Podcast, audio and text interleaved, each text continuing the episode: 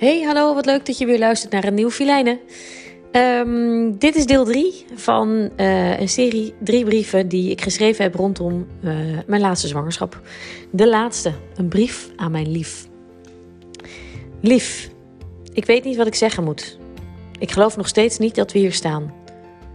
We hebben de hele week veel gepraat. Je hebt me je engste, je mooiste en je bangste woorden gegeven. En ik gaf jou die van mij. We huilden en we lachten. We hebben elkaar vermeden en we zochten elkaar op. Intussen draaide de wereld gewoon door. Jouw werk, mijn werk, de kinderen, alles vroeg gewoon de aandacht. Alles kreeg gewoon tijd en energie van ons. Maar niets of niemand zoveel als ons nieuwe mensje.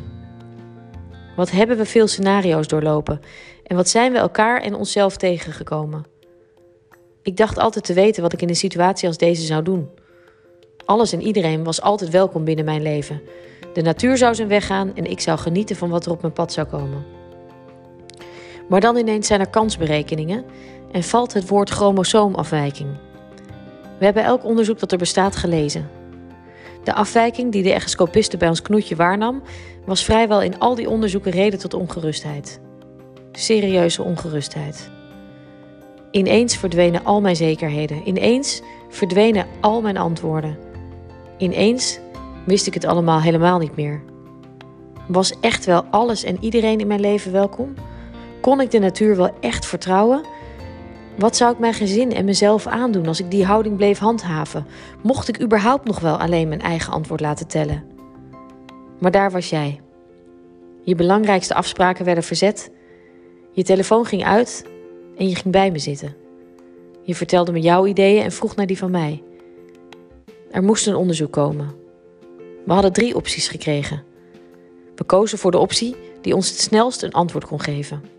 Een duidelijk antwoord. En daarmee zouden we wel een risico nemen. Twee uur geleden gingen we op pad.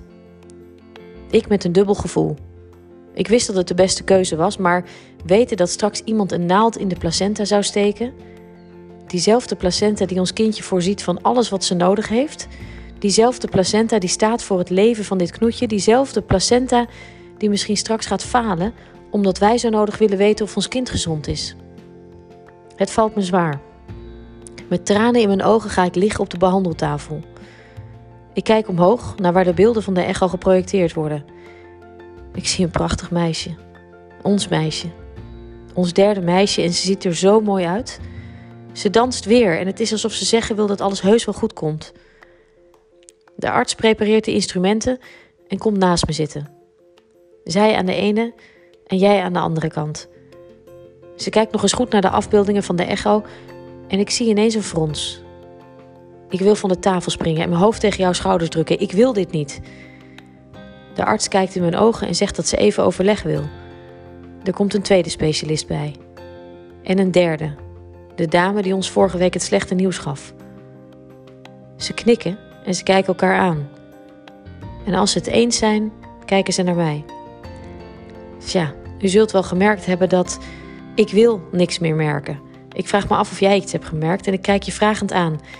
Jij kijkt vragend naar de artsen. Uh, we zien alle drie een prachtig neusbotje.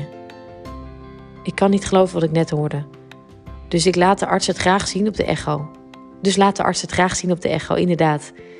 Waar vorige week een donkere vlek zat, zitten nu twee prachtige witte streepjes. Mijn hoofd barst uit elkaar van geluk en ongeloof. Vol met vragen knijp ik in je hand en je knijpt me even terug. Er volgt nog een nieuwe echo waarin alles opnieuw gemeten wordt. Er komt een nieuwe kansberekening en met een cijfer in de duizenden mogen wij weer terug naar huis. Hier staan we nu.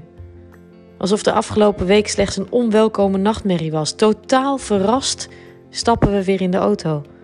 Op weg naar huis, ons huis, van jou, van mij en straks van onze vier prachtige kinderen. Mijn vertrouwen in de natuur is terug. En ondanks de vele tranen had ik de afgelopen week niet willen missen. Het heeft me geconfronteerd met mezelf en met mijn overtuigingen. Het heeft me geleerd dat gezondheid het grootste goed is. Het heeft me wakker geschud en levensenergie gegeven. Maar bovenal heeft het me nog dichter bij jou gebracht nog dichter bij de man met wie ik zo dolgraag mijn leven deel. Dankjewel, liefde. dat je bent zoals je bent. Liefs, jouw Filijne.